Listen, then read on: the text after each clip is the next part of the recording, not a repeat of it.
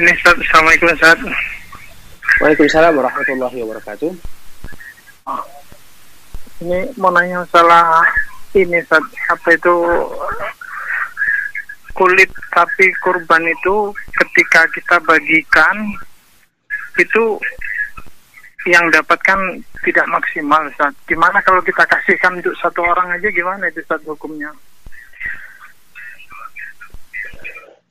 Barakallahu fikum wa jazakumullahu khaira. Semoga Allah Subhanahu wa taala menjaga Bapak Bahrudin yang ada di Lampung dan juga Allah Subhanahu wa taala menjaga kita semua. Barakallahu fikum wa jazakumullahu khaira. Pertanyaannya adalah kalau seandainya kulit kurban, kulit sapi atau kulit kerbau mungkin tidak maksimal pembagiannya, apakah boleh kita memberikan kepada satu orang saja? Kita mengetahui apabila itu adalah korban kita pribadi, misalnya kita berkorban satu ekor kambing, yang mana korban itu jelas-jelas milik kita, atau kita berkorban satu ekor kerbau, yang mana itu jelas-jelas milik kita, maka silahkan kita berikan kepada siapa saja. Karena semakin banyak kita mensodakohkan korban kita tersebut, dan tentunya kita harus memakan sebahagiannya. Disebutkan oleh para ulama ada sepertiga, bahkan lebih. Namun intinya semakin banyak kita mensodakohkan, maka semakin bagus. Maka kita boleh memberikan sodakoh kepada siapa saja. Terutama kepada kaum muslimin.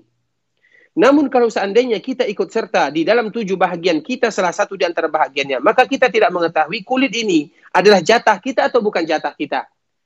Namun kalau seandainya panitia memberikan kepada satu orang saja supaya lebih maksimal, maka itu juga tidak menjadi masalah.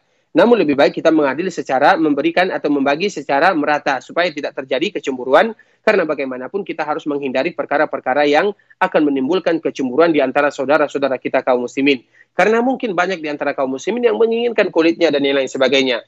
Namun perkara yang terpenting dalam permasalahan seperti ini yang tidak boleh kita lakukan adalah memberikan menjual kulitnya atau mengkhususkan itu sebagai upah kepada tukang sembelihnya.